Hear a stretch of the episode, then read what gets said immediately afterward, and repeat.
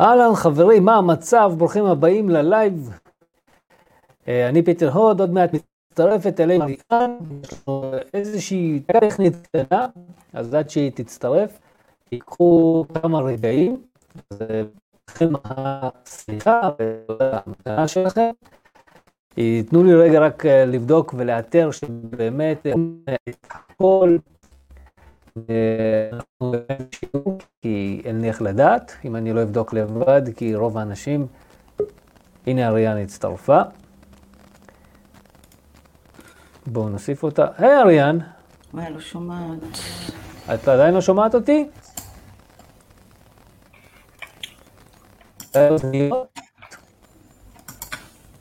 לאוזניות? אני מסיים אותם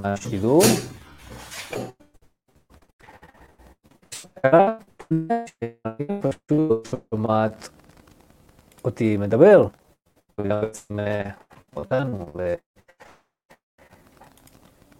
ודברים כאלה יכולים להתרחש מדי פעם, אז אנחנו נמתין טיפה עד שהיא תעדכן אותי שהכל יהיה בסדר. אני אגיד לה, תעדכני אותי.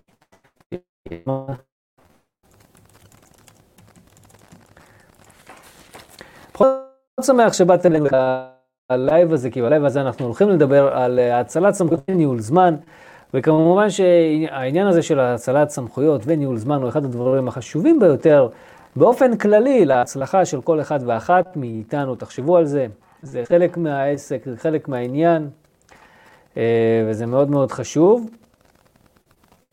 לדעת, אה, ולדעת את זה ולהבין את זה, כמובן, אין ספק.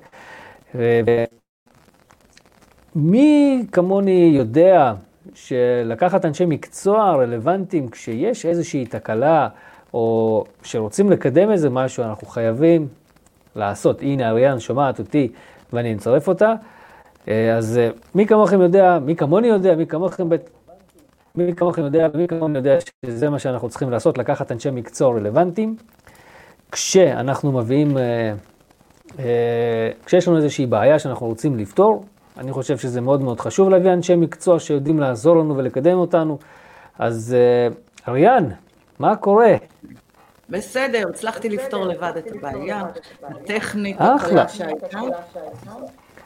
כן, למרות שהתחלנו את, את הבדיקה בערך uh, כמה דקות לפני כדי לראות את זה וזה קצת התעכב, אבל הנה, אנחנו בסוף כאן וניתן בראש לכולם, אז uh, שלום לכם, אז מי שהצטרף עכשיו, לי קוראים פיצר הוד, אנחנו נמצאים בפינה הפיננסית, הערוץ יוטיוב שעוסק בתכנים פיננסיים, ועוד מעט אני אסביר לכם איך קשור אה, כל הנושא הזה של ניהול זמן והצלת סמכויות, זה לדעתי אחד הדברים שמאוד קשורים להצלחה האישית, וכתוצאה מזה גם הפיננסית של כל אחד ואחת מאיתנו. ואני רוצה שאריאן, שהיא הבן אדם לדעתי המתאים ביותר לדבר איתנו על זה, תציג את עצמה. ונוכל אה, להכיר אותה. אוקיי. אה, אז אני אריאן רפאלי, אני הבעלים של... אני שומעת את עצמי בכפול, אז אה, מה אני צריכה לסגור? לא יודע. לא יודע, אולי זה... אני לא יודע, אוקיי. אולי זה מהרמקול שלך. אולי אני אשמע את עצמי בכפול, לא נורא. אז אני אריאן רפאלי, אני הבעלים של אה, אדמין שירותי משרד משנת 2013, אה, ואנחנו בעצם עוזרים לעסקים אה, בסוף בסוף בשורה התחתונה להתייעל. אנחנו בעצם נותנים את כל השירות של מזכירות, בפן המאוד רחב של זה, אני כמובן, אני וצוות העובדות שלי, ובערך בשנתיים, שלוש האחרונות, אה, התחלתי לחקור ובעצם גם להתמחות בכל הנושא הזה של, אה, של ניהול זמן. אה, זה תחום שאני כותבת עליו, אני כותבת עליו כל שבוע, יש פוסטים שאני כותבת בתחום, וגם יש באתר שלי מאמרים בתחום, ככה שאני יותר מרחיבה את הנושאים שאני כותבת עליהם. ואני גם מרצה בתחום, מרצה ומייעצת. אה, ובכלל כל התחום הזה של אה, ניהול זמן הוא הפך להיות אה, בשנים האחרונות אחד הנושאים היותר חמים. כי אין אדם שהוא שכיר או עצמאי שרוצה בעצם להשיג מהיום שלו יותר. ולכולנו, לכולנו יש 24 שעות ביממה, לכולנו יש 1,440 דקות ביממה, ובסוף בשורה התחתונה היא מה אנחנו עושים בשעות האלה. אה, והשעות שלנו בסופו של דבר הן מוגבלות, כלומר אנחנו לא יכולים לעבוד 24 אה, שעות וגם לא 18 שעות, יש לנו שעות שאנחנו אפקטיביים, ואנחנו צריכים להבין ולדעת מי אנחנו, איך אנחנו, אה, אנחנו בעצם אנשים שונים, אנחנו נמצאים במקומות שונים בחיים, ולפי זה אנחנו גם צריכים, אני מאוד מאמינה שאנחנו צריכים להתאים את, ה, את ההתנהלות שלנו למכלול הגדול. אה, ובאופן כללי, אה, זה בסופו של דבר זה גם עניין של ניסוי וטעייה, לראות כל אחד מה עובד לו ומה לא עובד לו. והכי חשוב זה לא, לא להתנהל לפי טרנדים. יש טרנדים כאלה ואחרים, ולא לכולם זה מתאים. כלומר, לא לכולם מתאים לקום בחמש בבוקר. אה, כי עוד פעם, אנחנו אנשים שונים, אנחנו נמצאים במצבים אחרים בחיים. יש כאלה שהם אנשי בוקר, יש כאלה שהם אנשי ערב, ואני אישית, אם אני אקום בחמש בבוקר, אני אדבר עם הציפורים. אה, וגם מי שקם כן, בשעות... סליחה? כן, כן, כן, אני, אני מכיר את זה. במקרה היום קמתי בחמש בבוקר ויצאתי החוצה, לא היה אף אחד בחוץ, אז הלכתי להתאמן, אבל okay. אוקיי. הייתה שממה בחוץ לחלוטין, כלומר, בקושי מכוניות היו. כן, אז אה, השאלה היא גם מה אתה עושה בזמן הזה של הבוקר. וגם צריכים להבין, הרבה פעמים יוצא שלצורך העניין, אנשים שקמים מאוד מוקדם בבוקר, מבחינתם 12 בצהריים, זה כבר סוף היום כמעט. כן. או לצורך העניין, הם שולחים כל מיני דברים, מצפים שאנשים יענו להם בשבע ובשמונה בבוקר, וזה לא תמיד עובד. נכון. דרך אגב, אה, יכול להיות אה, שיש לך דפדפן נוסף פתוח, של יוטיוב או משהו, ואז משם את שומעת את עצמך?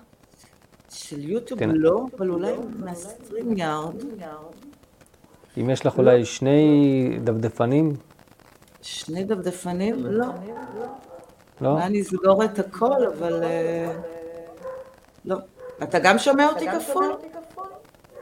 אני שומע אותך את השיחה שלנו טוב, ואני שומע ברקע יש גם את ה...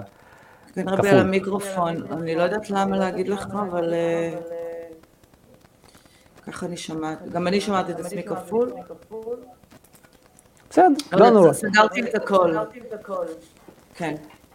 אוקיי, אז אה, אני אגיד לך למה אני חושב אה, שזה מאוד חשוב לנושא הפיננסי, כל השיחה הזאת של ניהול זמן, ואנחנו עוד מעט נדבר על נושא של ניהול זמן, את מה אנחנו באמת צריכים לנהל שם. אה, יש לי מודל שאני קורא לו מודל, מודל 30 אלף, שבדרך כלל כשאני עושה הרצאה לאנשים, כדי לה, להסביר להם את החשיבות של התכנון הפיננסי, אני שואל אותם כמה זמן בן אדם חי בממוצע מגיל 0 עד גיל 80. כמה, הוא, כמה זמן הוא חי, זה אפילו לא ממוצע, כי אנחנו יודעים שהגיל הממוצע הוא סדר גודל פלוס מינוס 80. הקורונה, אני לא יודע אם אתם יודעים, קיצרה קצת את החיים של האנשים, אז התוחלת החיים ירדה טיפה, ואנחנו עומדים סביב ה-80. עכשיו, כשאני עושה במחשבון 365 אה, כפול 80 שנים, אנחנו מגיעים קרוב, בקירוב ל-30 אלף ימים.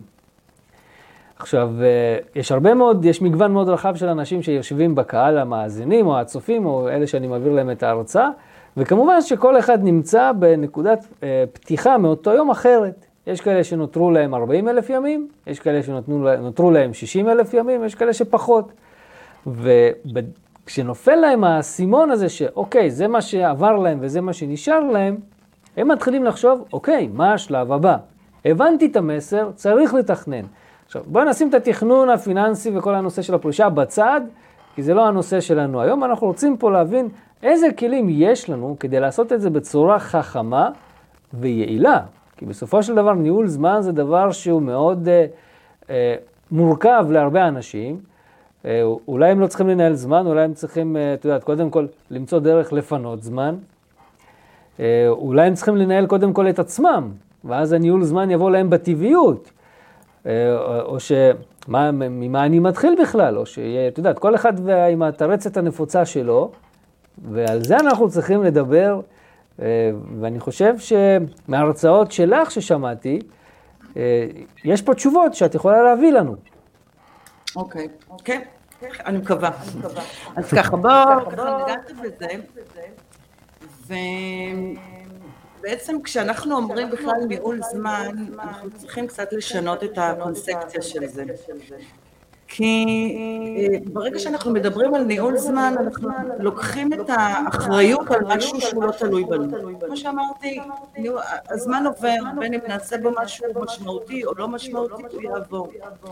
וברגע שאנחנו משנים את הנושא הזה מניהול זמן לניהול עצמי, בעצם אנחנו לוקחים, אנחנו אחראים.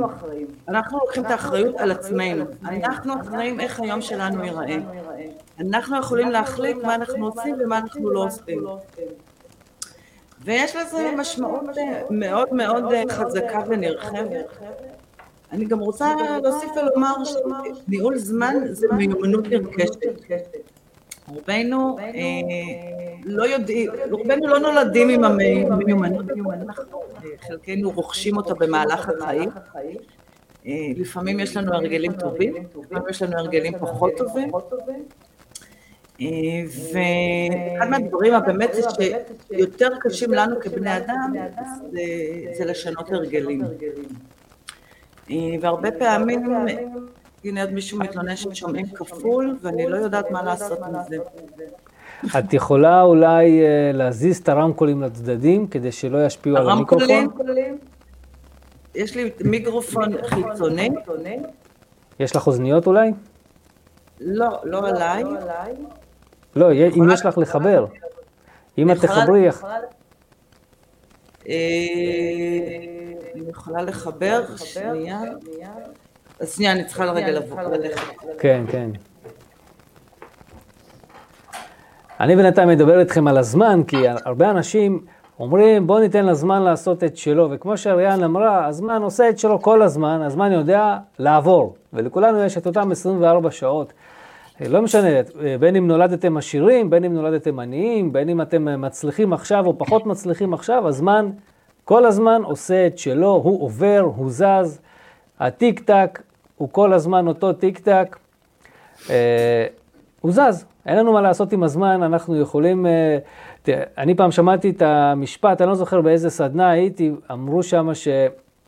בוא, מה, איך אתה רואה את עצמך בעוד עשר שנים? אז יש כאלה שיש להם תוכנית מסודרת ויש כאלה שאין להם תוכנית מסודרת.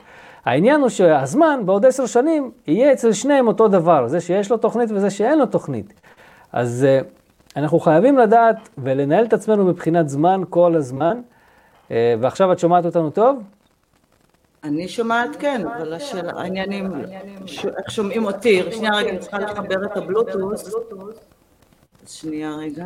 אחלה. אז אנחנו צריכים כל הזמן לטפל בנושא הזה של הזמן אה, ו- ולהתנהל נכון. אנחנו כן חייבים, אנחנו צריכים למצוא את הזמן הנכון לעשות את כל הדברים, אנחנו צריכים לפנות אותו. למצוא לנו זמן בשביל כל דבר. ארנולד שוורצנגר, יש לו הרצאה ביוטיוב, אז הוא אומר, יכול להיות שאתה אוהב לישון שמונה שעות, אבל יש אנשים אחרים שבשמונה שעות עושים דברים אחרים. אז אם אתה רוצה להספיק לעשות את הכל, תישן מהר יותר. שזה כמובן מצחיק לשמוע דבר כזה, תישן מהר יותר, אבל uh, כפי שאתם רואים, יש הרבה מאוד אנשים שזה מה שהם עושים כל הזמן. הם לא ישנים מהר יותר, אבל הם מתנהלים נכון יותר עם הזמן שלהם, עם הזמן הפנוי, והם מוצאים את הזמן הפנוי לכל דבר. אנחנו בעוד רגע אחד נפתור את האתגר הטכנולוגי שלנו, ונמשיך לה, להקשיב לאריאן, כי באמת הדבר הזה הוא מאוד מאוד חשוב. אני רוצה להגיד, דבר נוסף על הנושא הזה של הלישון, אה, ותכף אני אפתור את הנושא של הכפול, אה, שלישון פחות זמן או לישון פחות שעה ביום, באופן קבוע, זה לא נקרא ניהול זמן, אני רואה את זה הרבה פעמים כאלה שנותנים אה, הצעות ייעול לניהול זמן, תשנו פחות, תקומו שעה יותר מוקדם. לאורך זמן זה לא נכון. כי הגוף שלנו, בממוצע, רוב האנשים צריכים לישון בין 7 ל-8 שעות, בממוצע. יש אנשים שישנים פחות, יש אנשים שישנים יותר, אה, ויש לזה השלכות, אפילו בריאותיות, לישון פחות. גם המצב רוח משתנה. סליחה? סליחה? גם המצב רוח משתנה, בן אדם שישן פחות, הוא גם יותר עצבני, אז כן. הוא גם הופך להיות לבלתי נסבל בעיני הסביבה והחברה, אז מה עשינו בזה? בדיוק. התייעלנו, אבל שרפנו קשרים, אולי, כן. זה לא, זה לא, זהו, שזה לא קשור להתייעלות. הלישון פחות זמן. כל אחד צריך לדעת כמה זמן הוא ישן כמו שצריך, וניהול זמן זה לא לישון פחות, זה לא לקום שעה אחת יותר קודם. לפעמים נקודתית אנחנו צריכים, אבל לאורך זמן זה לא, לא הפתרון. אוקיי, בוא תמשיך ואני בינתיים מחפשת את הפתרון לאוזניות. אני אספר משהו שקשור למטרות, כי שוב, הזמן, כמו שאמרנו, עושה את שלו כל הזמן. ומה הוא עושה? הוא עובר, כולנו נתראה בעוד עשר שנים באותה, באותה נקודת זמן, כן, אנחנו תמיד מנסים לראות מה אפשר לעשות. עכשיו, אני אוהב לצטט את המחקר הזה שנעשה. יש כאלה שנעשה, שהוא נעשה באוניברסיטת יל, יש כאלה שאומרים שהוא נעשה באוניברסיטת הרווארד, על כל מה שקשור לנושא של מטרות, והם בדקו שם אנשים ושאלו אותם, האם יש לכם מטרות? יותר נכון, המחקר שם נעשה וניסו לראות מה עושים אנשים מסוימים בכיתה מסוימת באותה אוניברסיטה, ומה קורה איתם אחרי איקס זמן, מי הם אותם עשרת המצליחים. וכשהם אה, ראו את הדברים האלה, הם ראו שאחד הדברים המשותפים למצליחים ביותר זה תוכנית עבודה או פיננסית או מטרות כאלה ואחרות כתובות. ויש לזה משמעות מאוד גדולה, כי זה נותן לנו איזושהי נקודת אה, מבט נוספת בהסתכלות של מה אנשים מצליחים עושים, חוץ מניהול זמן. הם עושים גם אה, אה, הגדרת מטרות, הם גם יש להם חשיבה פוזיטיבית. אני לא מזמן נחשפתי, אני נחשפתי להרבה פעמים לכל, לכל מה שקשור לזה, לחוק המשיכה, חוק האנרגיה, את יודעת, כל, כל הדברים האלה, וראיתי שיש 12 חוקים, חוקי יקום כאלה שמגדירים אותם, שהם אה, כל אחד קשור אחד בשני. הצלחת לסדר? אני חושבת שכן. לא. כן, זהו. אין, כן? אין, אין, אין שמע יותר. אין כפול. אוקיי, אז זה היה פשוט באמת אה, בהגדרות היה משהו מוזר. למרות שאני שומעת את עצמי פעמיים. לא, הנה, אני שומע אותך פעמיים. בסדר, אין מה לעשות, בואי נתקדם. כן, אז אה, אנחנו דיברנו על הנושא, דיברת על הנושא הזה של המטרות. אה, ובואו אנחנו קצת נגדיר, ובכלל בנושא של הניהול זמן, אנחנו הרבה פעמים, כשאנחנו רוצים לסדר לנו את היום, או אנחנו מרגישים שהיום שלנו בורח לנו ואנחנו לא מספיקים לעשות את מה שאנחנו רוצים לעשות, אחד מהדברים, ואני מזמינה פה לכל מי שמקשיב ושומע, לקחת אתגר על עצמו. והאתגר בעצם מדבר על אה, לקחת שבוע, לפחות שבוע, ולעשות רשימה של באמת איך היום מתנהל. מהרגע שאתה קם בבוקר, או ש... מהרגע שאתם קמים בבוקר, מה בעצם אתם עושים? אה, אני בטוחה, אני בטוחה שמי שיעשה את זה יגלה דברים מפתיעים על, על היום שלו ועל עצמו, אה, ואחרי שיש את המידע הזה, ואנחנו יודעים שבאופן כללי מידע וידע זה כוח, אה, אנחנו נוכל בעצם להבין ולגלות על מה, מתבזבז לנו הזמן, אני כותבת במרכאות, אבל הרבה פעמים יש משימות מסוימות שנראה לנו שלוקח לנו חמש דקות או עשר דקות, ובסוף זה לוקח לנו חצי שעה ויותר, והפוך. ולפעמים המשימות האלה, שנראה שאנחנו, לוקח לנו מעט מאוד זמן, אלה משימות שגוזלות לנו זמן, ואלה בעצם משימות לא כל כך חשובות, כלומר אנחנו מקדישים להם זמן אבל הן לא המשימות שאנחנו בעצם, אה, המשימות האלה שיקדמו אותנו. כדי שאנחנו נדע בכלל מה יכול לקדם אותנו, אם זה אישית או מקצועית, אנחנו צריכים להבין בעצם בכלל מה המטרות שלנו. אה, זה בדיוק כמו, כמו נסיעה עם ווייז, כלומר אנחנו מגדירים לווייז את המטרה הסופית שלנו, אה, ולשם אנחנו בעצם רוצים להגיע. עכשיו יש מספר דרכים להגיע, אה, אבל אנחנו צריכים לדעת ולהבין בעצם מה, מה המטרות והיעדים. ואת כל הדברים האלה אנחנו יכולים גם לפרק לדברים קטנים ו, וברי ביצוע. כשיש לנו מטרה אחת מאוד מאוד גדולה, אז, אז זה, זה טוב ונהדר, אבל אנחנו צריכים גם להבין מהם הדרכים להגיע אליה. ובכלל באופן כללי, כשאנחנו רואים משימות מאוד מאוד גדולות לפנינו, שלפעמים גם מאוד מאוד מלחיצות אותנו, ולפעמים אפילו גורמות לנו לקפוא במקום, כי רק אה, המחשבה של מה אני צריך לעשות, אה, אה, כבר מלחיצה אותי. ובמקום הזה, כדאי לפרק את זה למשימות קטנות. אם זה משימות יומיומיות, או שבועיות, ואחר כך חודשיות, ובדרך לחגוג ניצחונות קטנים. כי הניצחונות האלה, ברגע שאני מצליח משהו, אה, אז זה יוצר לנו מוטיבציה ל... להמשיך ולעשות עוד. אה, ואת המשימות האלה אה, אנחנו חייבים להכניס ליומן, למקום שאנחנו יכולים לראות ולעשות. עכשיו, גם חלק מהמשימות אנחנו צריכים להבין שיש לנו משימות במשך היום שלנו, יש לנו בעצם משימות שהן דחופות, שאנחנו צריכים לתת להן מענה מיידי, mm-hmm. אבל יש משימות שמה שנקרא שהן חשובות אבל לא דחופות. והן בעצם המשימות שבעצם יקדמו אותנו. ועכשיו אני מחברת את זה למקום אחר, המשימות האלה ש, של שהן חשובות אבל לא דחופות, ואנחנו גם חייבים לתת להם את המקום שלהם. אמ, זה יכול להיות לימודים, למשל, לימודים שאנחנו אמ, בעצם יקדמו אותנו. הרבה פעמים אנחנו לא רואים את התוצאות עכשיו במיידי, אבל אלה יכולים להיות לימודים, כלומר זה גם לא חייב להיות, אה, למשל פיטר מאוד אוהב ללמוד.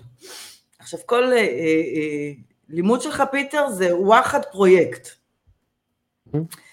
אה, זה יכול להיות גם דברים קטנים, זה יכול להיות אה, אה, להקשיב לפודקאסטים ולוובינארים, או לשכלל איזה שהם מיומנויות שלנו, או בעצם לדאוג ל... לכל מיני דברים שאנחנו בעצם מזניחים, אבל ברגע שאנחנו נתחיל לסדר אותם ולעבוד עליהם, הם בעצם יגרמו לנו בעתיד לחיים קלים יותר ואפילו אולי גם אה, רווחה כלכלית. את יודעת ש... אני, תמיד אני שמעתי בכל מיני וובינרים ופודקאסטים ובכל הספרים שהם כותבים שמספיק שאת תלמדי איזושהי מיומנות אחת זה יכול לשפר את מצבך כאילו בצורה אקספוננציאלית אפשר לומר, החל מלהפוך אותך למאוד עשירה ומצליחה או למאוד מוכרת, זה יכול ממש לשפר אותך. וניסיתי למצוא לזה איזשהו משהו מדעי, יודעת, כי כמעט ואין לזה הוכחה מדעית. איזה הוכחה מדעית את יכולה להביא לי ולהוכיח לי שאם בן אדם ילמד אה, איזושהי מיומנות חדשה, או משהו חדש, וזה ישפר את מצבו בצורה ניכרת, ומצאתי. מצאתי תשובה לדבר הזה, כי מצאתי משהו, משהו מהטבע.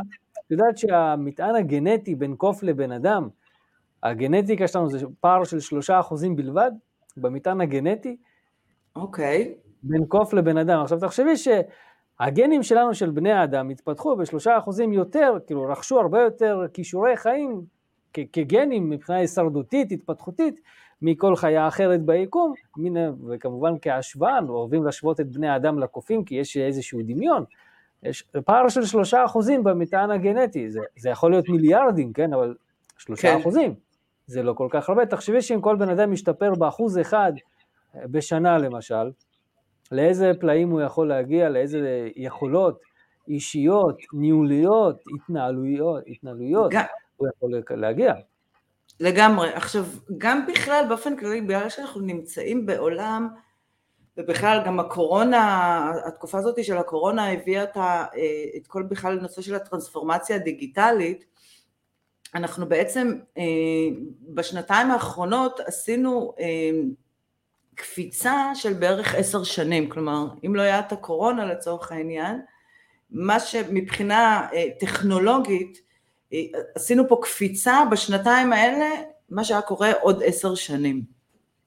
Mm-hmm. ובכלל, גם כ- כאנשים פרטיים, גם שכירים וגם כאנשים, וגם כבטח עצמאים, בשביל להיות, להמשיך להיות רלוונטיים, אנחנו חייבים כל הזמן לשפר ולשקלל את המיומנויות שלנו.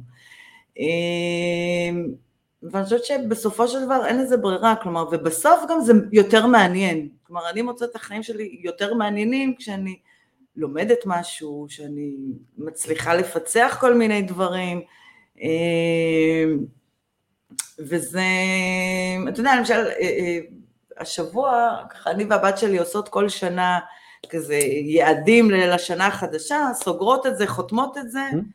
ופותחות את זה אה, בסוף השנה. כעבור שנה, כן. כן. ובאמת לא זכרתי בכלל מה כתבתי, ואחד מהדברים שכתבתי זה ללמוד איזשהו תחום מסוים, להעמיק את הידע שלי באיזשהו תחום מסוים שלא קשור לעסק, קשור דווקא בנושא פיננסי, ובאמת עשיתי את זה, כלומר, אה, וזה נותן אה, הרבה פעמים ביטחון, כלומר גם אם אני לא, גם אם אני לוקחת את זה לתחום שלך פיטר, אה, של פיננסי, גם אם אני לצורך העניין לא מתעסקת בתחומים האלה באופן ישיר, אבל יש לי איש מקצוע שעושה את זה ואני מבינה על מה הוא מדבר, אני יכולה לתת את הדעת על מה שהוא עושה, זה גם לי נותן בסוף אה, אה, ביטחון, אה, שאותו איש מקצוע גם מבין על מה הוא מדבר. אה, ואני חושבת שכולנו כבני אדם באמת צריכים לקחת את האחריות הזאת על החיים שלנו אה, וללמוד, כלומר עוד פעם, הלמידה הזאת היא לא חייבת להיות אה, למידה של תואר או, או קורסים ארוכי טווח, כלומר זה גם יכול להיות, אבל, mm-hmm. וזה בהחלט מבורך, אבל גם לקחת קורסים קצרים, או אפילו לשמוע הרצאות, טדים למיניהם, פודקאסטים וכדומה, אפשר ללמוד מזה הרבה וגם להעמיק את הידע, וזה משהו שחייבים לשים אותו כמשימה, כפעולה אה, אה, שבועית, כלומר לא אומרת כל יום אה, ללמוד או לעשות את זה, אבל לפחות פעם בשבוע להקדיש לזה את הזמן ותמצאו לכם את הזמן המתאים, זה יכול להיות בשעות הערב, זה יכול להיות סוף שבוע, זה יכול להיות תחילת שבוע, יכול להיות בכל מקום שכל אחד מתאים, כלומר יש היום כל כך הרבה מידע נגיש שאפשר ללמוד ממנו, אז אפשר לעשות את זה. וגם ללמוד פרונטלית זה גם כן מאוד מאוד כיף. אז אה, השאלה המתבקשת היא, כן. איך אנחנו יכולים לפנות זמן? איך אנחנו יכולים לפנות זמן, אוקיי. אז דבר ראשון, אה, כמו שאמרתי בהתחלה, כשאנחנו נעשה לנו את הרשימה הזאת של הדברים, של איך היום שלנו מתנהל, ופתאום אנחנו נבין שיש, אה, אולי שאנחנו מבלים ב, לצורך העניין ברשתות החברתיות, יותר זמן ממה שחשבנו שאנחנו מבלים. כן, אני נכנס לפעמים לחמש דקות ופתאום אה, מבלה שם אה, חצי שעה ושעה, בלי כן. להרגיש, בלי להרגיש. עכשיו אם נקדיש לזה את הזמן של זה בסדר, כי למשל גם אני וגם אתה, פיטר, שאנחנו עצמאים, הרשתות החבר... החברתיות מהוות חלק מהמשימות שלנו, כלומר זה חלק מהשיווק, חלק, אנחנו צריכים להיות שם, ואני נמצאת שם כל יום וזה בסדר. אבל לצורך העניין הרשתות החברתיות מהוות מקום נהדר להסחות דעת אה, ואחד מהדברים כדי לצמצם את ההסחות דעת ולצמצם את הזמן אה, הלא מתוכנן שלנו שם mm-hmm. זה אחד לכבות את כל ההתראות הקופצות גם במחשב וגם בנייד.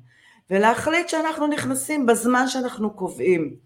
אה, זה לא צריך להיות על כל התראה שקופצת לנו אז אנחנו ישר נכנסים, אנחנו יכולים להיכנס בזמנים שאנחנו מגדירים לנו מראש, זה קשה, כי זה הרבה פעמים קשה, כי מי שרגיל להיכנס כל הזמן ולהיות במקום של אה, תגובתיות, יש לזה לפעמים, זה סוג של, אנחנו מכורים לזה, כלומר, גם על זה בנויות הרשתות החברתיות, מה שנקרא, על הפומו, על ה-fear of out of missing, כן. כן, אה, פחד מהחמצה. פחד מהחמצה. כשהיום יש את הגישה הנגדית שלה, של זה, שקוראים לזה ג'ומו, שזה ה-joy of out of missing out. אה, אז, אז, זה עניין, אז, אז זה עניין של מינונים, אה, זה אפילו אפשר להכניס את זה במקום של היומן, מתי אני נכנס ל, לרשתות החברתיות, ויחד עם זאת גם למייל, כלומר, לא על כל מייל שישר קופץ, אנחנו חייבים אה, להגיב, אפשר גם לתת לזה את הזמנים של זה, אבל ברגע ברגע שנגעתם במשהו, ואני ככה נוגעת, נוגעת באיזשהו חוק הזה שאני מדברת עליו, זה חוק החמש הדקות, אה, ברגע שפתחתם וואטסאפ או פתחתם מייל, אתם צריכים להחליט מה אתם עושים את זה, לא להשאיר את זה פתוח, לא להשאיר את זה לאחר כך, אה, כי הרבה פעמים, ברוב המקרים, 40 אחוז, אה, כן, בערך 40 אחוז מה, מהמשימות שלנו שאנחנו דוחים, אנחנו גם לא מגיעים אליהם, לא מגיעים אליהם אף פעם. אחרי שאנחנו מקבלים משימה כזאת או אחרת, או פתחנו וואטסאפ, אנחנו צריכים להחליט מה אנחנו עושים עם זה. עונים, אם זה עד חמש דקות, לטפל, לענות, אה, אם זה משהו שהוא יותר זמן, אפשר גם לשלוח הודעה, אם זה בוואטסאפ, ראיתי, אני אענה לזה, אני אענה לזה אה, בזמן מאוחר יותר. תראי, וואטסאפ זה בכלל אה, משהו שהוא היום הפך להיות לצורה קיצונית, כי אנשים מצטרפים לקבוצות וואטסאפ אה, שהן פשוט מספימות לך את הטלפון בלי הפסקה בתמונות, בהודעות, אלף, אלפיים הודעות מכל קבוצה, וזה כל שנייה מצפצף לך, זה, קודם כל זה גומר לך את הסוללה, את לא מסיימת את היום בלי להטעין את הטלפון שלוש-ארבע פעמים. דבר שני, זה פשוט מעמיס לך על הטלפון, ודבר שלישי, זה גומר לך את היום רק מלהתעסק, לנסות להתעדכן במשהו שהוא בכלל לא רלוונטי, כי יש לי לזה פתרון. יש לי לזה פתרון. את כל הקבוצות האלה שמתאים לך, כלומר אתה רוצה להיות שם, אבל אתה לא רוצה על כל צפצוף אה, להגיב או, או, או להגיב או להסתכל, פשוט להכניס אותם, להגדיר את הקבוצות האלה ולהכניס אותם לארכיון, שזה אפשרי בוואטסאפ ביזנס, כן. אתה מכניס אותם לארכיון, ואז אתה בזמנך החופשי נכנס לקבוצות האלה, אוקיי? ואז זה פחות מספים ופחות, אה, זה פחות נמצא לך ב... ב, ב, ב, בכל, ההודעות ה, בכל ההודעות הנכנסות ואם יש איזושהי קבוצה שהיא מה שנקרא מגזימה אז כמו במיילים שיש לך, אם יש לך כל מיני מיילים. כן, עושים לזה השטק. ניוזלטרים בכלל, ובכלל שהם, נרשמת למשהו ולא מפסיקים אה, לשלוח לך, לפעמים אני נרשמת לאיזשהו משהו וכבר למדתי שחינם אין חינם. אה, כן. אין מדריך בחינם ואין אה, זה, זה הרבה פעמים מקום של להגדיל רשימות תפוצה, או הרבה פעמים למכור משהו, ואז במקרה הטוב שולחים לך פעם בשבוע, במקרה הפחות טוב שולחים לך פעמיים ושלוש אה, ביום, אה, ופשוט מאוד הנושא הזה הפך להיות למספים בצורה לא נורמלית, גם מפוצץ את המייל בצורה לא נורמלית, ואז פשוט מאוד תעשו. אני מציעה לכאלה שאין להם שום ערך אה, ושאתם לא מתכוונים לפתוח את המיילים, פשוט לעשות unsubscribe, לעשות, אה, לצאת מהמייל הזה, אה, לא, לא יקרה לזה שום דבר, וזה זללן זמן אה, לא נורמלי. כן, אני... כמובן לא לצאת מהניוזלטר מה, של פיטר, יש בו הרבה מאוד ערך. תודה. אני, יש לי מייל מיוחד, שבעצם יש לי תיבת מייל, שהיא מיוחדת לספאמרים ולכל מיני מקומות כאלה של... לא נורא אם אני לא אראה, ויש לי שם אלפים, כאילו, אלפי הודעות שאני מקבל. יכול להיות שהן חשובות, אבל כל מה שחשוב מגיע לי, יש לי הרבה תיבות מייל, כאילו מגיע לי למייל הראשי. ואז יש לי את המשני, את השלישי, והרביעי והחמישי, וכל אחד יורד בחשיבות. אז uh, אני חושב שזו דרך מאוד מאוד טובה. תראי, מה שלדעתי מאוד מאוד יעזור לאנשים לפנות זמן, זה קודם כל להבין לאן הם רוצים להגיע. כי בוא נגיד, אני שמעתי משפט מאוד מאוד נכון, אני לא מכיר מישהו שאיחר לטיסה שלו להוואי או לארצות הברית או לחו"ל, לחופשה. אין מאחרים. למה אין מאחרים? אני לא מכיר אנשים שמאחרים, אולי יש כאלה, אבל הם בודדים, אוקיי? אז כל פעם כשאנחנו רוצים, לדעתי זו, זו שיטה טובה לנהל זמן, או לנהל את עצמנו מבחינת הזמן, כי גם על זה אנחנו עוד שנייה נדבר, זה להגדיל לעצמנו איזושהי מטרת על שאותה אנחנו רוצים להשיג, ואז נגיד ואנחנו לא, לא אנשים אה, מצליחים כמו, אתה יודע, את השכנים, החברים ושות', אז אנחנו יכולים לשאול את עצמנו, אוקיי, אם אני פיטר, מה, אה, בואו ניקח את פיטר, הגרסה המצליחה שלי, איך הוא היה מתנהג, אם זו המטרה שהיה רוצה להשיג, או שבואו ניקח אנשים שכן מצליחים לעמוד במטרות שלהם ובזמנים וביעדים, בואו נשאל, מה הוא עשה? בואו נסתכל ונעתיק. הרי אנחנו היום יכולים להעתיק כמעט כל התנהגות, כל תכונה, כל דבר היום, כולם מעתיקים מכולם, אז uh, יש לנו יכולת להעתיק גם התנהגות. הרי אם אני רוצה שרירים, אני יכול להעתיק את הבודי בילדר הכי גדול ולראות מה הוא עושה. והוא הולך בלי הפסקה לחדר כושר, טוחן אוכל בלי הפסקה, אוכל בריא כמובן, שומר על uh, חשיבה חיובית, בריאות והכל ביחד, בסוף אני אגיע לתוצאה שלו. אולי קרובה אליו, לא שלא בהכרח שלו, אבל לדעתי אלה דברים שיכולים לעזור לאנשים מאוד להתמקד וגם להגיע לתוצאה שהם רוצים מבחינת ניהול הזמן. אה, עוד פעם, אה, כמו שדיברנו מקודם, וכמו שאמרתי גם, אנחנו באמת צריכים לדעת ולהבין מה, המטרה, מה, מה המטרות שלנו. כלומר, אנחנו לא יכולים, אה, מה שנקרא, לראות, לראות באפלה, ואת ה...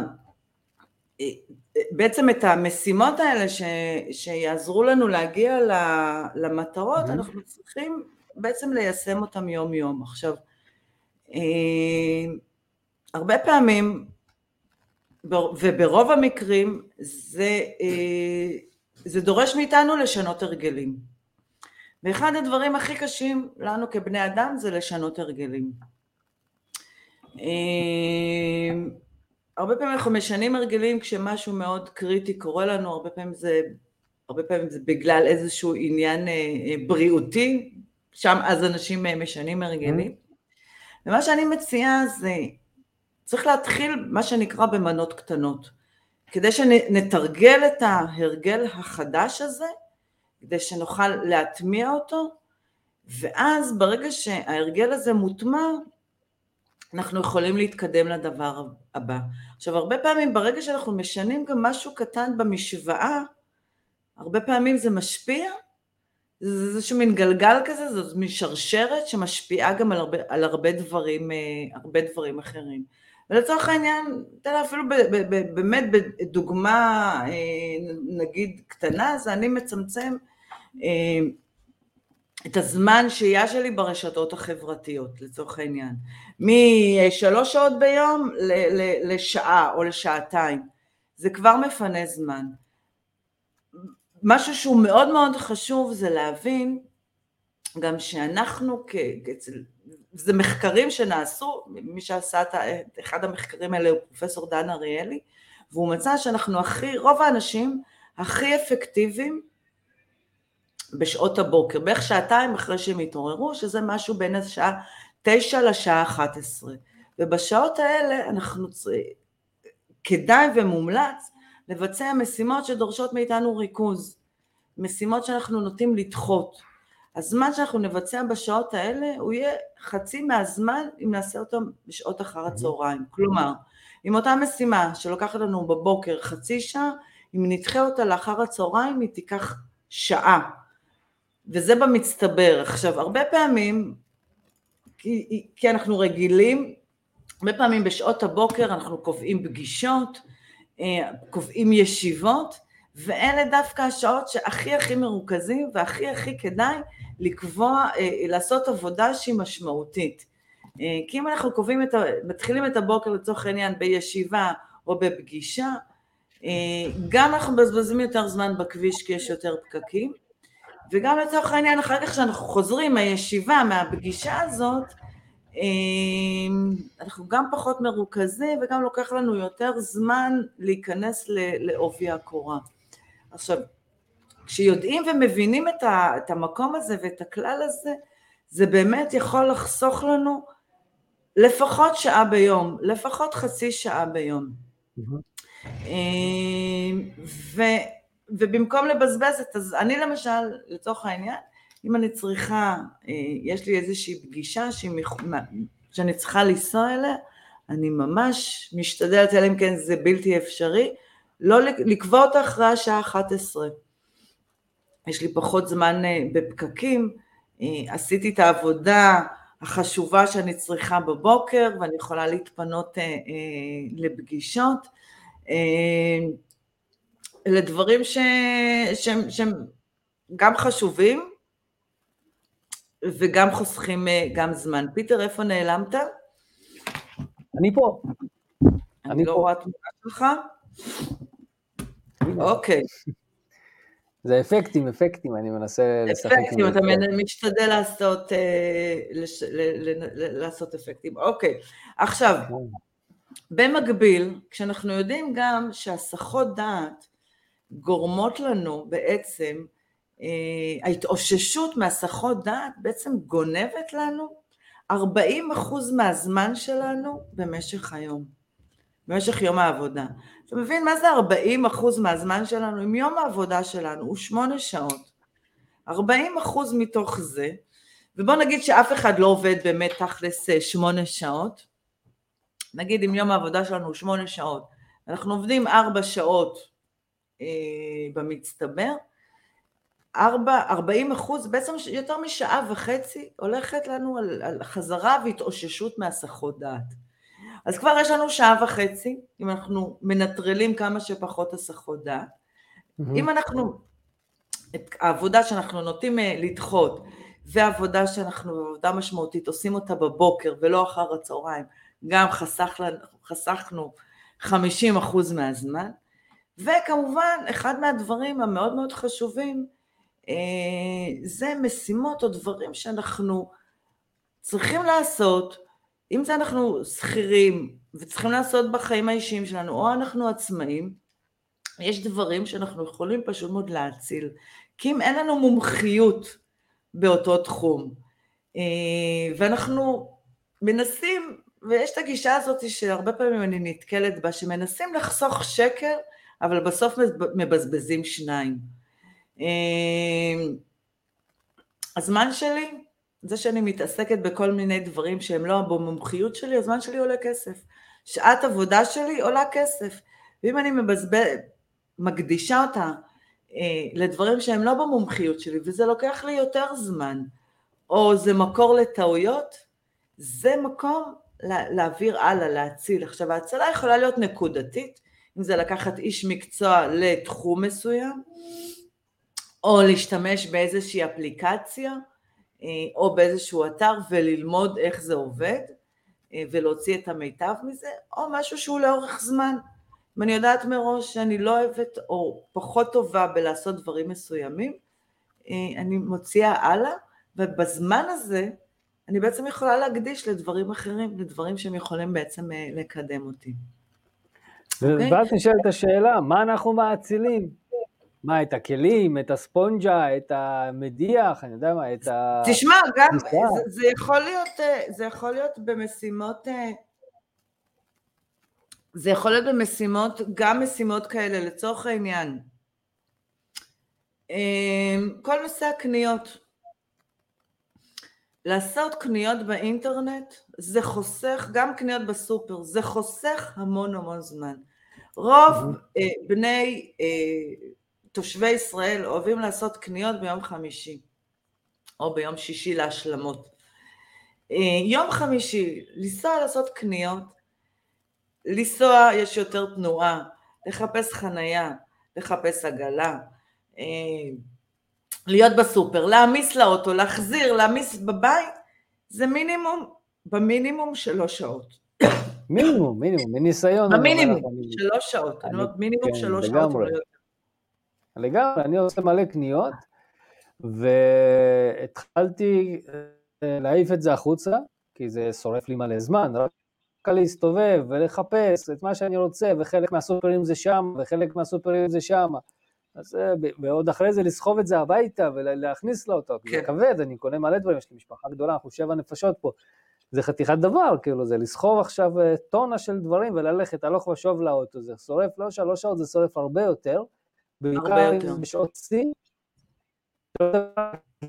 וסופי שבוע ואירועים וכו'. זה, כן. זה הופך להיות למשימה שאת עומדת בסופר ושורפת את הזמן, סופרת בלטות, עושה להם ספירת מלאי שם. זה באמת... לגמרי. שמת, אה, חבל, על, כן. חבל על הזמן, חבל על הזמן. ממש חבל על הזמן. כאילו, זה בסוף בסוף, בסופר, ברגע שאנחנו עושים אה, הזמנה אינטרנטית, גם יכול להיות לנו שם אה, רשימה קבועה, ואנחנו צריכים רק לסמן. אנחנו קונים פחות כי אנחנו לא מתפתים בקופות לכל מיני דברים, או כל מיני דברים שלא תכננו. ובסוף גם יש מישהו שסוחב לנו את זה עד לפתח הבית.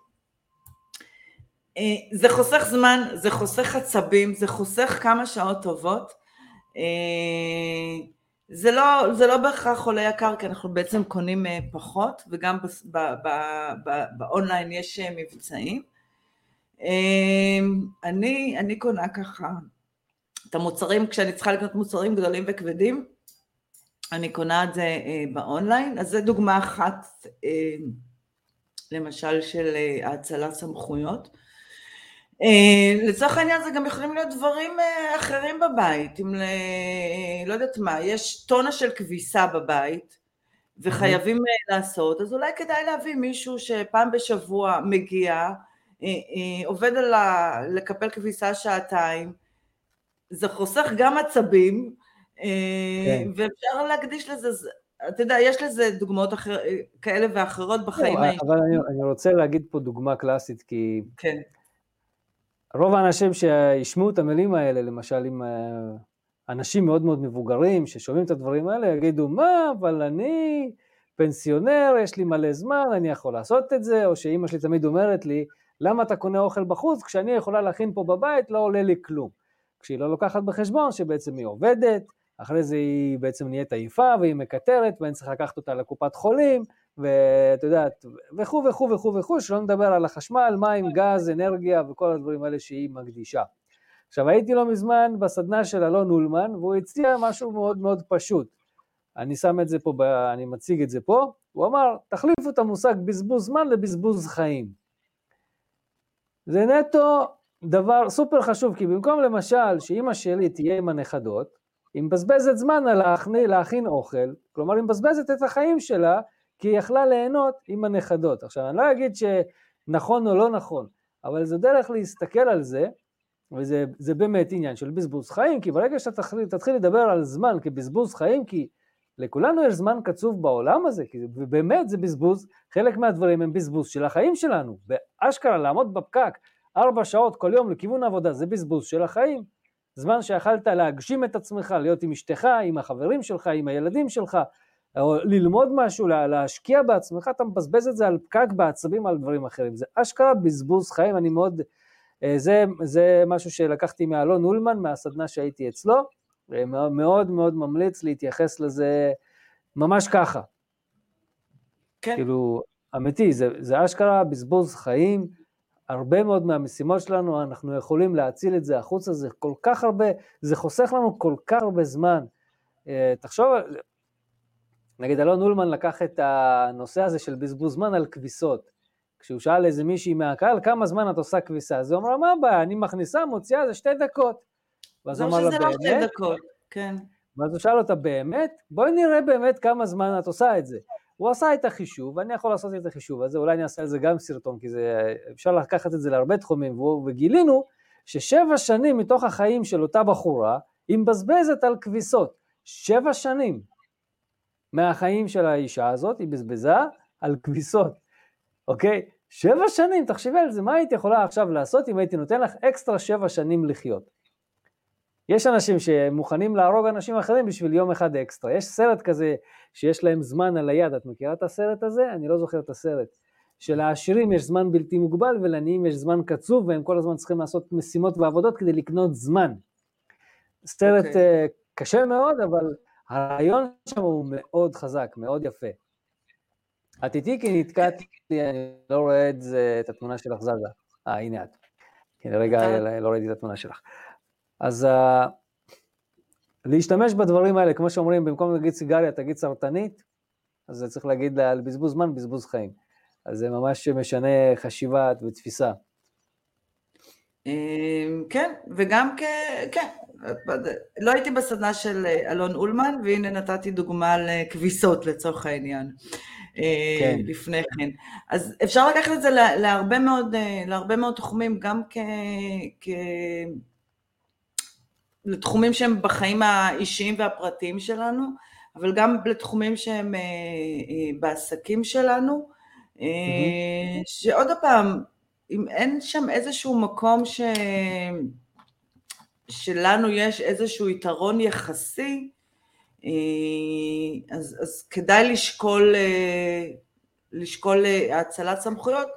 עוד פעם, אני אומרת לשקול כי, כי, כי באמת צריך להבין באיזה מצב, כלומר אם אתה בעל עסק, באיזה מצב אתה נמצא, באיזה מצב העסק שלך נמצא. כן. כי לפעמים אני נתקלת במקומות כאלה גם שרוצים להציל סמכויות, אבל זה, לא, זה לא תמיד, העסק לא נמצא במקום שהוא באמת יכול להרשות לעצמו. זה... ויחד עם זאת, יש פה איזושהי טריקיות מסוימת, כי לפעמים ברגע שאתה מאציל דברים מסוימים, אז מתפנה לך זמן לעשות דברים אחרים. נכון. שוב, כן. צריך, צריך לקחת בחשבון, צריך להסתכל, כל עסק צריך, שוב, בפן האישי, זה לפעמים לא כל משפחה רוצה לשחרר חלק מהדברים שלה שייכנסו אליה הביתה, זה, זה תלוי במשפחות. זה עניין, זה, אתה יודע, זה גם עניין, זה הרבה פעמים עניין ניהולי, גם הרבה פעמים מנהלים, ולא רק בעסק הפרטי, גם מנהלים, אה, כשאתה שכיר ואתה מנהל, הרבה כן. פעמים אתה לא רוצה לשחרר דברים או להציל דברים כי, כי, כי יש איזשהו חשש ופחד. ואני אומרת, הגישה שלי אומרת, ואני כן באתי ממקומות של ניהול, שברגע שאתה מאציל סמכויות והצוות בעצם עובד כמו שהוא צריך לעבוד, כאילו אתה לא נמצא שם, בעיניי זאת ההצלחה. אפשר לקחת את זה גם לבית. אנחנו כולנו רוצים להיות אה, כאלה שלא מוותרים עליהם ושאי אפשר להחליף אותם ואנחנו חיוניים, אבל אה, צריך גם להבין איזה מחיר משלמים. ואם המחיר האישי, הבריאותי, אה, הנפשי, אנחנו עצבנים כל הזמן, הוא גבוה, אז בעיניי זה לא שווה את זה.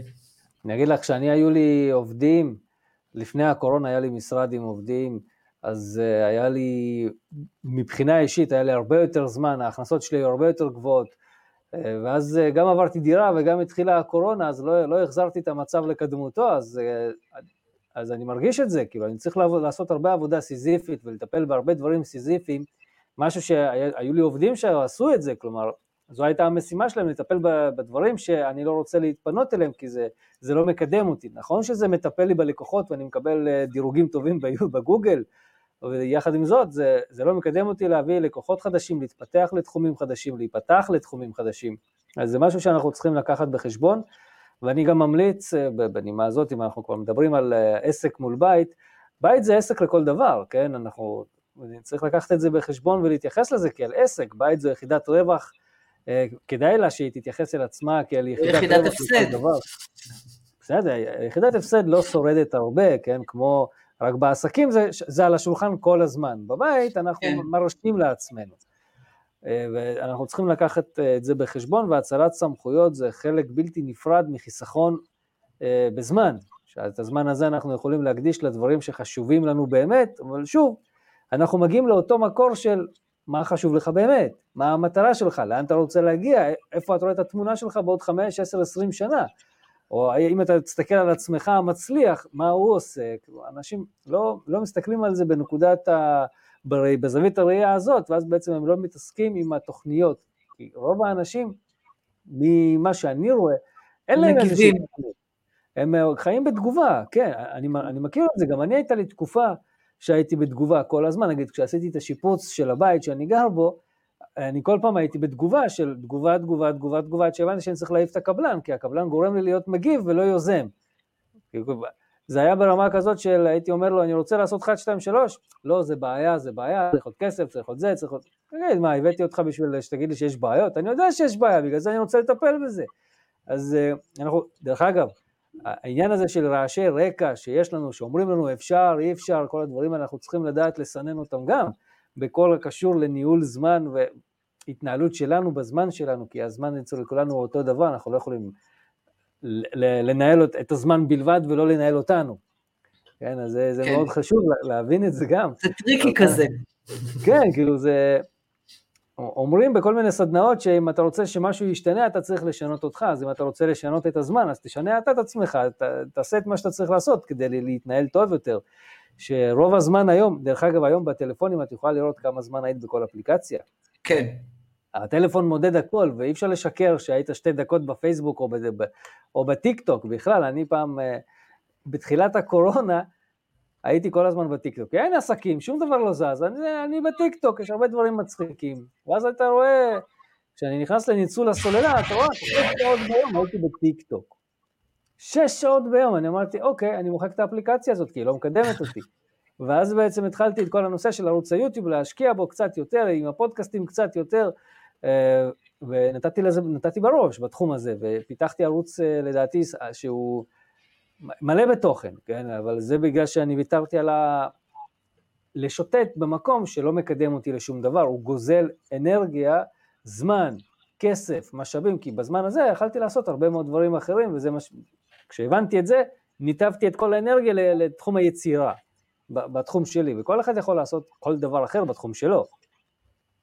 לגמרי. וזה משהו שהוא מאוד חשוב. זה, אתה יודע, זה בדיוק מחזיר אותנו להתחלה ובכלל כל מה שדיברנו.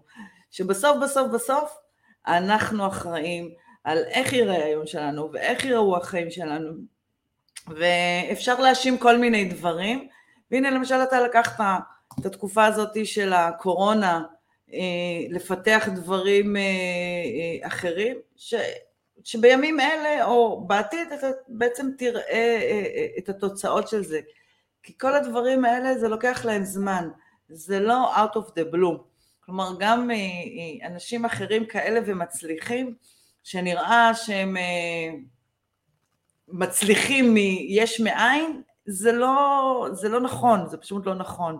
הם עבדו קשה בשביל שזה יצליח, יש הרבה עבודה גם מאחורי הקלעים. ועוד כן. פעם, הצלחה בין לילה אומרים לוקחת שבע שנים.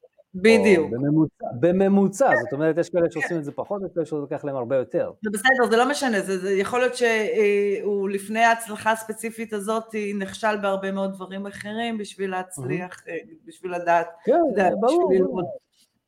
עכשיו, אה, קיצור, הדברים האלה לוקחים זמן, זה לא, זה לא מהיום לעכשיו. וגם למשל תכנון פיננסי או תכנון של פרישה ופנסיה, אני מחזירה את זה לעולם שלך. זה גם כן, זה לא משהו שאתה פתאום נזכר בפנסיה שלך. צריך לתכנן ולהבין, אני זוכרת אחת הפגישות שלנו הייתה, פיטר, בנושא הזה. שאלת אותי, מה אני רוצה, מה, כמה כסף אני צריכה בפנסיה? ואז בעצם בונים לזה את, את המטרות של זה, איך אני מגיע לשם. Mm-hmm. וזה בעצם מכל דבר בחיים, כלומר, אה, ועוד פעם, אנחנו מתחילים, אפשר להתחיל ממטרות קטנות, ממטרות חודשיות, שנתיות, כאילו דיברת מקודם על מטרות של חמש ועשר שנים, אנחנו חיים קצת בעולם, התקופה הזאת של אי ודאות כן. ודינמיות, ולהגיד חמש עשר שנים זה כאילו נראה סוף העולם. לא, לח... זה ברור, לח... ברור. תראי, אני... אבל אפשר להתחיל, להתחיל גם, מה שאמרתי, זוכרת, אמרתי גם לפרק את הדברים לדברים אה, קטנים יותר ושהם ישימים. אז נכון, יש מטרת על גדולה מאוד בעוד עשר שנים, בעוד, אה, בעוד עשר, חמש שנים, אבל בדרך יש עוד הרבה מאוד מטרות אחרות mm-hmm. שצריכים להשיג אותן כדי להגיע למטרה הגדולה הזאת. והמטרות הגדולות האלה גם יש להן תתי מטרות, ולכן צריך לפרק את זה הכי קטן שאפשר, בשביל אה, שזה יהיה ישים, אחרת זה נשאר שמה. ואני חוזרת ואומרת גם על מה שדיברת, על, על הנושא הזה של לשנות הרגלים. להתחיל במשהו אחד קטן, ולהטמיע אותו, שיהפוך להרגל, וזה לפעמים מלחמה יומיומית. אני רוצה לתת דוגמה לעניין הזה, עם העניין כן. של ההרגלים. כן. פעם, כשהייתי חייל, את מכירה את הכוסות פלסטיק האלה, שפעם היה נחלת הכלל והיום זה מוצרי פרימיום בסופר, בגלל כל המיסים על הפלסטיק, אז פעם כשהייתי שותה תה, הייתי שם... בכוס כזאת, כשהייתי חייל, הייתי שם בכוס כזאת שלוש כפיות סוכר. אוקיי. אוקיי? זה מלא, היום כשאני, זה, אני לא יכול לשתות את זה בכלל היום. עכשיו, אה, אני ידעתי אז שזה היה הרבה, אבל אמרתי, בסדר, אני לא מרגיש מתוק לי, טעים לי, טוב לי. אה, אחד החיילים, אה, הייתי במג"ב, זה אנשי קבע וסדירים ביחד, אחד מהמבוגרים שם, מהפזמניקים, כמו שאומרים, אמר לי, תגיד, מה אתה דפוק? מה אתה שותה את זה עם כל כך הרבה סוכר? תקטין. עכשיו, לא יכלתי להקטין, כי לא היה טעים לי. ואז במקרה עברתי בסטימצקי וראיתי ספר, צעד קטן לשינוי גדול. לא זוכר מי כתב אותו, אבל ככה נקרא הספר, צעד קטן לשינוי גדול. ושם אמרו, כל פעם תוריד כמה גרגרים מה, מה, מכל כפית, אתה לא תרגיש בהבדל. דרך אגב, גם בעולם המכירות זה עובד ככה, יש את הכלל של שלושה אחוז אם אתה מקטין את המחיר או מגדיל את המחיר, או את המוצר, מקטין או מגדיל, הלקוח בסוף לא שם לב והוא מתרגל למוצר החדש, אותו דבר גם בחיים. אז כל פעם התחלתי להקטין טיפה את הכפית, הורדתי קצת מהגבעה. היום אני שותה כוס הרבה יותר גדולה מהכוס האיפי, נגיד שלוש כוסות כאלה עם כפית אחת סוכר וזה over בשבילי, אני שותה קפה שחור עם הל, כמה שיותר קפה, כמה שבלי סוכר בכלל, וסבבה לי וזה מתוק לי, זה גם ככה מתוק המוצר בפני עצמו, אז זה, זה מאוד מאוד חשוב. דבר נוסף שאני רוצה להגיד לגבי מטרות, אמרנו פה על חמש שנים, אמרנו לפרק את זה, דיברנו פה על עניין של פיננסי, דיברנו פה על עניין של חדר כושר, בסוף, אם את רק נרשמת לחדר כושר ואת לא מתמידה בזה, זה לא יעבוד. אם את פותחת קרן פנסיה, עושה הפקדה אחת, את לא, תגיע, את לא תגיעי ליעד שלה ואת רוצה. אם את קבעת מטרות ואת לא מיישמת, זה נחמד. אם קראת ספרים ולא מוציאה את זה לפועל, את כל הידע, זה נחמד. אבל זה לא יביא אותך לשום תוצאה, כי בסוף את לא מתמידה ואת לא מיישמת.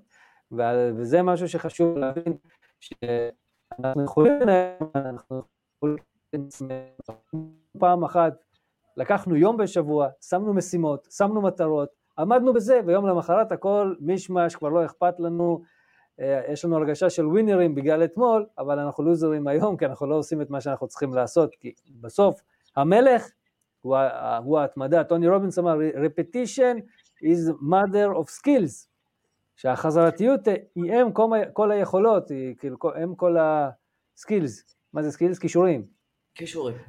כן, אני, מאוד... אני לגמרי מסכימה איתך על הנושא של ההתמדה, אני אפילו כתבתי על זה פעם פוסט, אה, שהתמדה זה דבר, אה, בסוף בסוף, אה, אנחנו יכולים לקבוע לנו מיליון ואחד דברים, אם אנחנו לא באמת נתמיד, אז זה לא יקרה.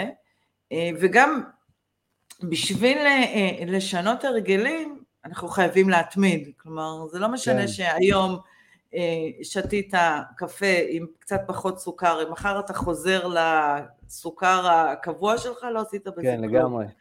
אבל עוד פעם, ההתמדה, אם אנחנו ניקח את הנושא של הסוכר והקפה, ההתמדה מדברת על זה, אוקיי, שבוע אתה שותה בחצי כפית אה, פחות, שבוע אחרי זה אתה שותה כפית פחות, וכדומה.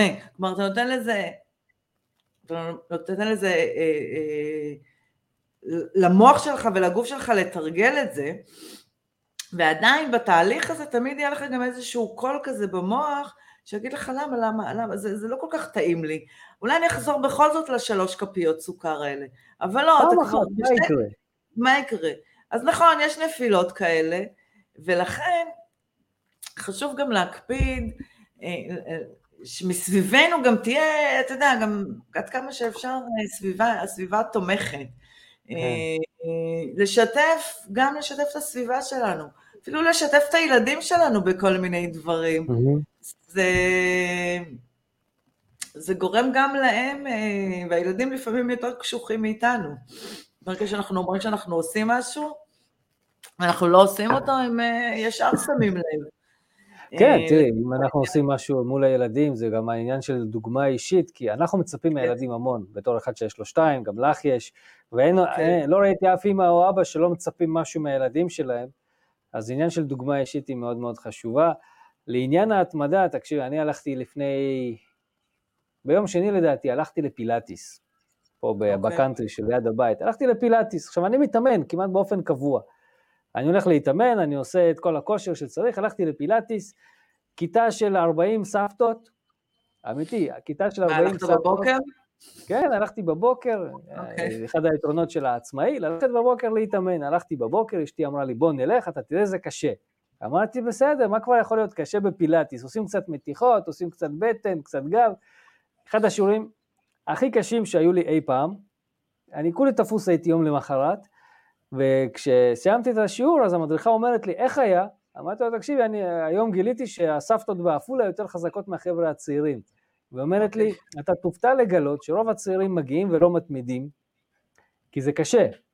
אני חושב שזה גם פדיחות מהסבתות, כי הם נשברים באמצע, אבל אה, תחשבי על זה, תחשבי על זה, אנשים הולכים להתאמן, לא מתמידים, הגוף חלש, זה משפיע על הרבה מאוד דברים, לא ניכנס לפן הזה, אבל הנה למשל עניין שאני יכול עכשיו לוותר ולהגיד, אוקיי, היה לי קשה, פדיחות, כי זה באמת, זה לעשות שם את התרגילים האלה, זה באמת קשה אם את... אה, זה לא השרירים הרגילים שאנחנו עובדים עליהם באימון, זה שרירים יותר פנימיים, יותר צדדיים כאלה, שאני לא יודע, לא, בחדר כושר הרגיל אני לא רגיל לעבוד עליהם. אה, ופתאום פה היה לי קצת אתגר, היה לי קשה, באמת היה לי קשה, גמר אותי התרגיל הזה, כמו יותר, היה לי יותר קשה מחדר כושר ואני מתאמן מאוד חזק. ועכשיו אני שואל את השאלה, האם אני הולך להתמיד או לא?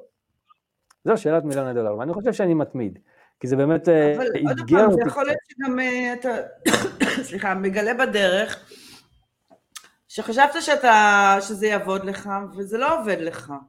ועדיין, לצורך העניין, אתה יכול להמשיך לעשות ספורט, ויכול להיות שצריך משהו אחר, כי לך אישית אולי פילאטיס לא מתאים, אבל. חדר כושר כן מתאים לך. אולי אה, חוג שהוא באופן קבוע בשעה מאוד מסוימת, פחות מתאים לך, או כן מתאים לך, ויותר מתאים לך ללכת לחדר כושר ולעשות אימון לפעמים של חצי שעה של שעה. אוקיי? מה שאני לוקחת את זה מהמקום הזה, זה שאפשר לנסות כל מיני דברים. ולדעת, אתה יודע, הרבה פעמים זה ניסוי וטעייה, זה שלאשתך זה מתאים, זה לא בהכרח אומר שלך זה צריך להתאים, זה גם, זה גם בסדר. טוב מאוד שתמשיך לעשות ספורט, אבל לא חייבים, אתה יודע, לעשות את כל הספורטים, לא כולם לא, מתחברים. ברור, ברור. לא, אני נותנת את זה למקום אחר.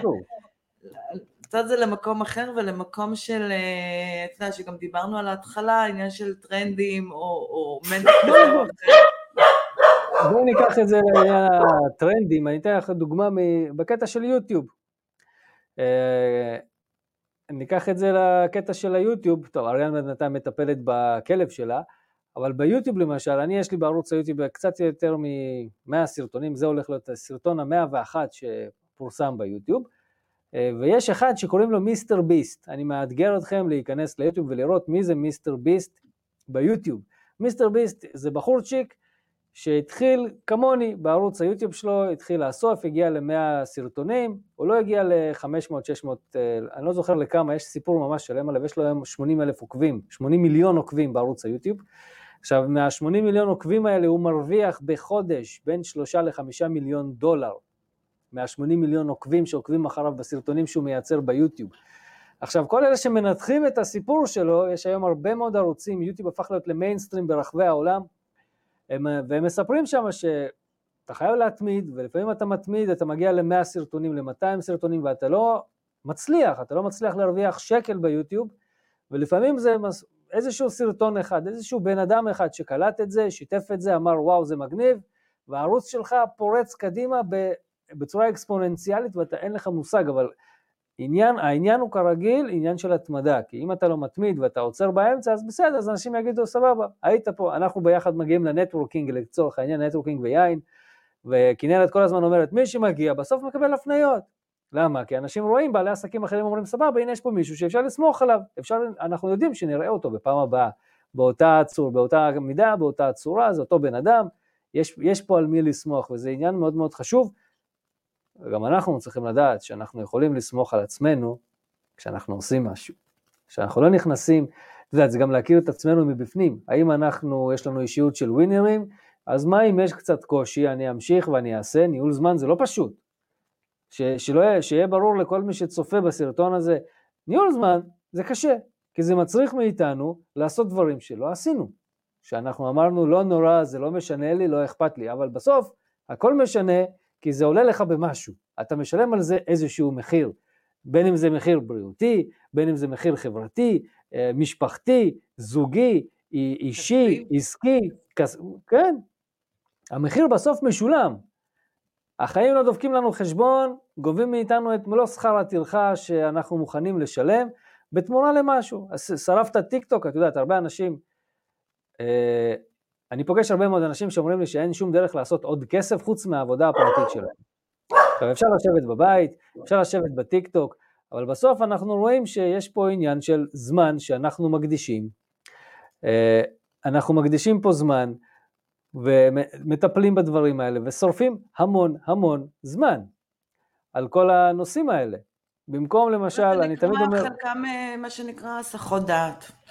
נכון. ויש לנו לא מעט הסחות דעת, והסחות דעת האלה ברוב המקרים לא, לא באמת מקדמות אותנו, אנחנו צריכים לתת להם, אה, להיות מודעים אליהם אה, ולתת להם, אה, לתת להם כמה שפחות, כמה שפחות מקום.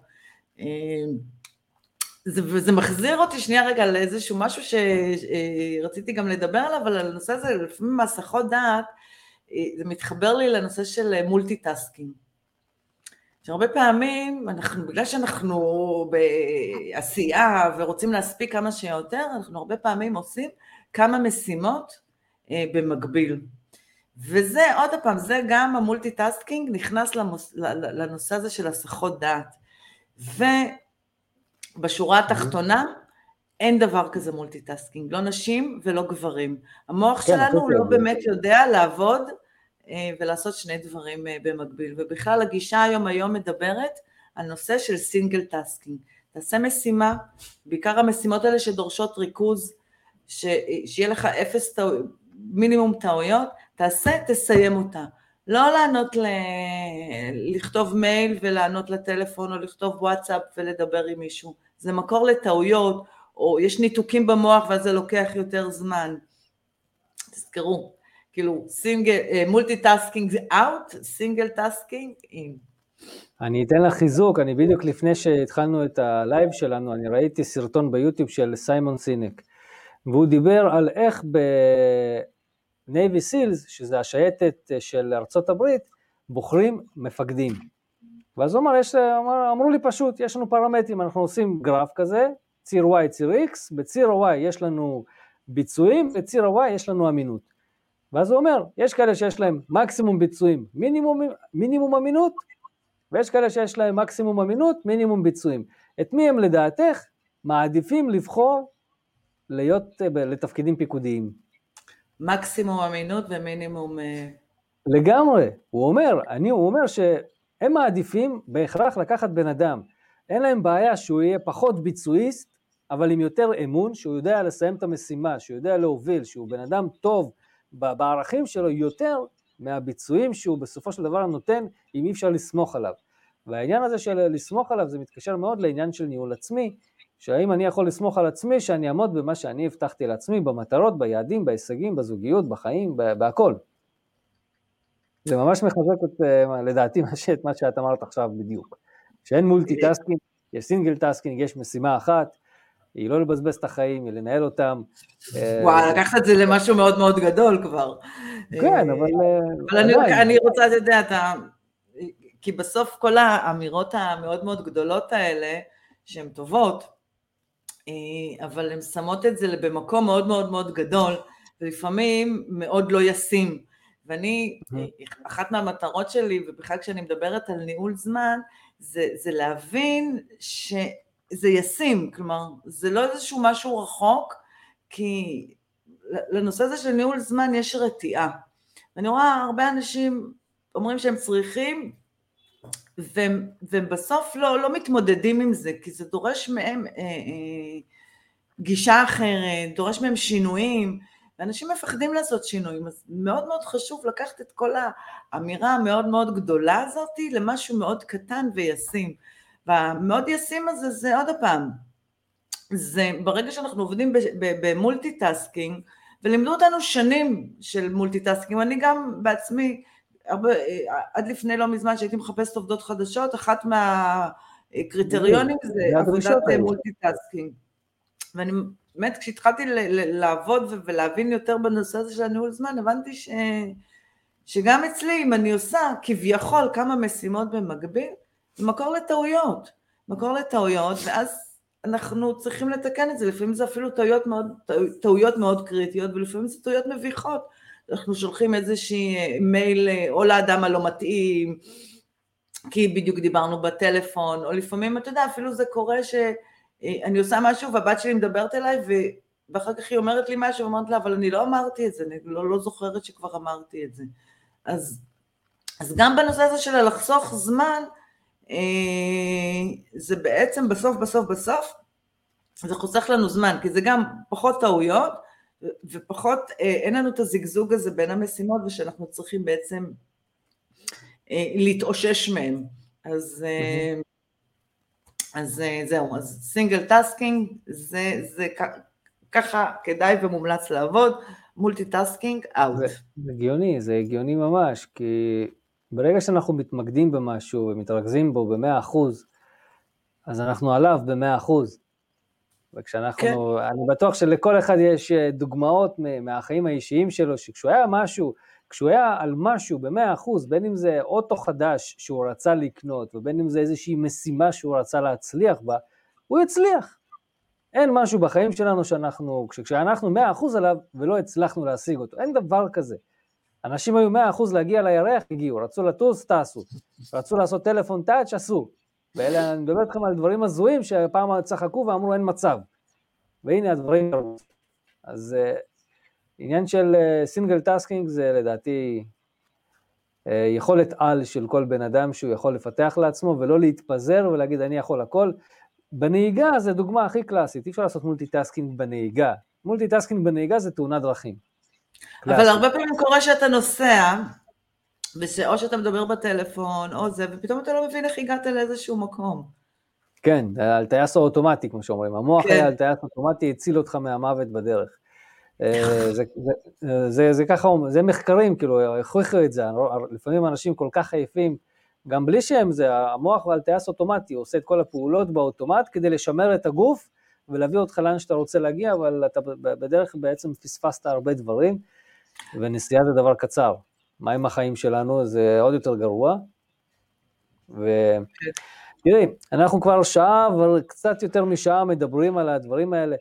בואי תתני לנו איזה שלושה, ארבעה טיפים, או יותר אם את רוצה, אה, בנושא הזה, כדי שנסכם הכל.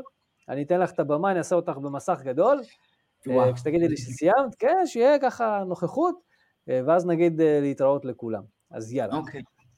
אז אה, כמו שראינו, נושא של ניהול זמן בעיניי הוא נושא מאוד מאוד מרתק, ואפשר להעמיק בו יותר ויותר, וככה הטיפים הקטנטנים שלי, ואפשר להמשיך לקרוא,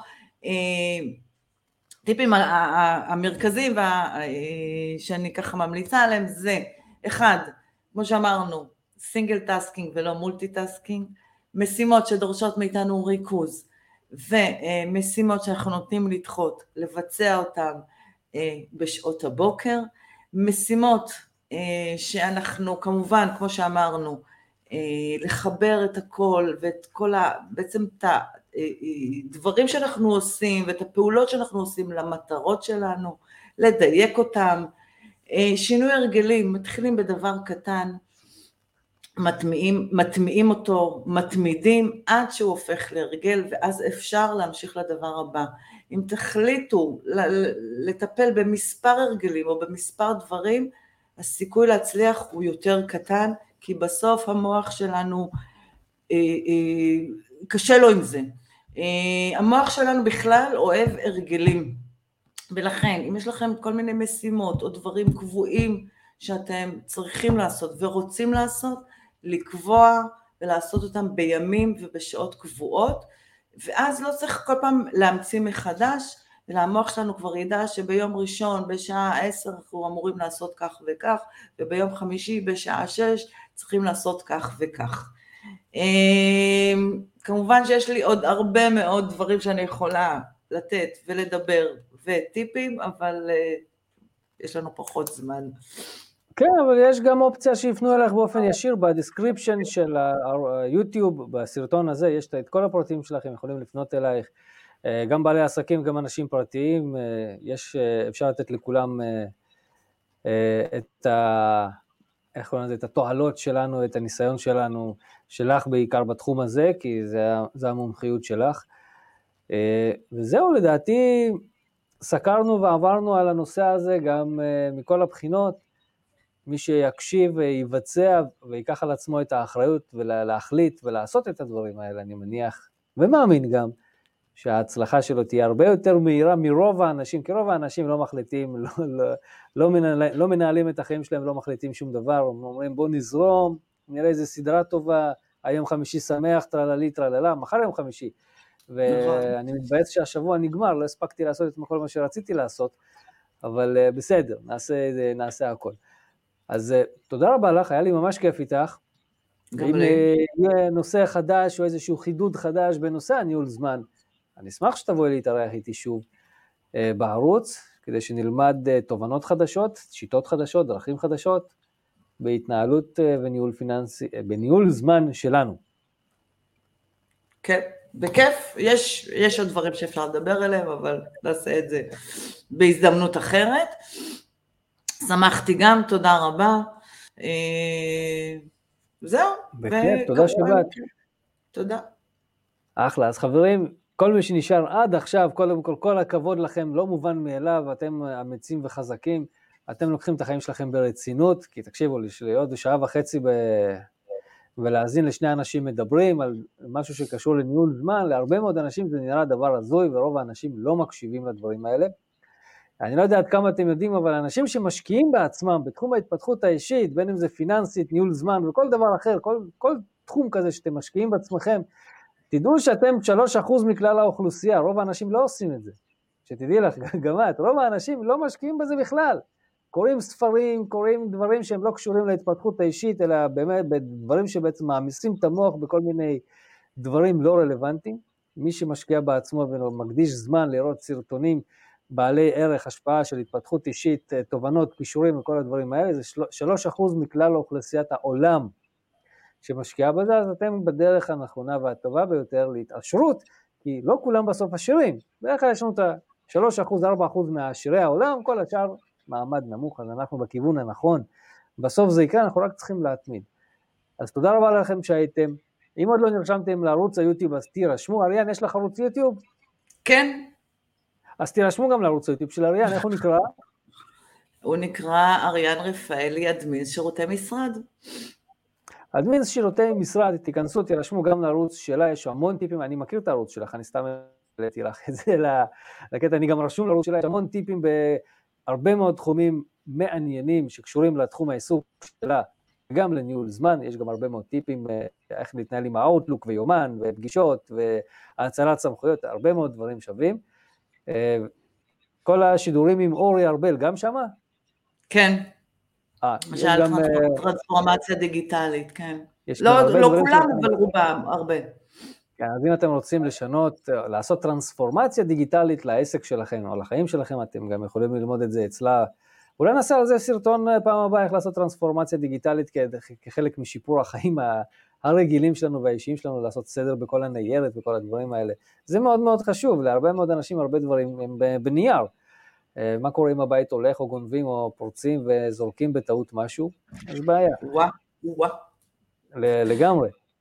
אז כן. אה, חברים, תודה רבה שהייתם איתנו שוב, אני מאחל לכם uh, סוף שבוע נעים, תודה רבה לך שוב אריאן, היה לי ממש את העונג לארח אותך כאן, טיפים חשובים, ואנחנו נתראה ב... אה, במפגשים, ואיתכם הצופים בסרטונים הבאים. יאללה ביי.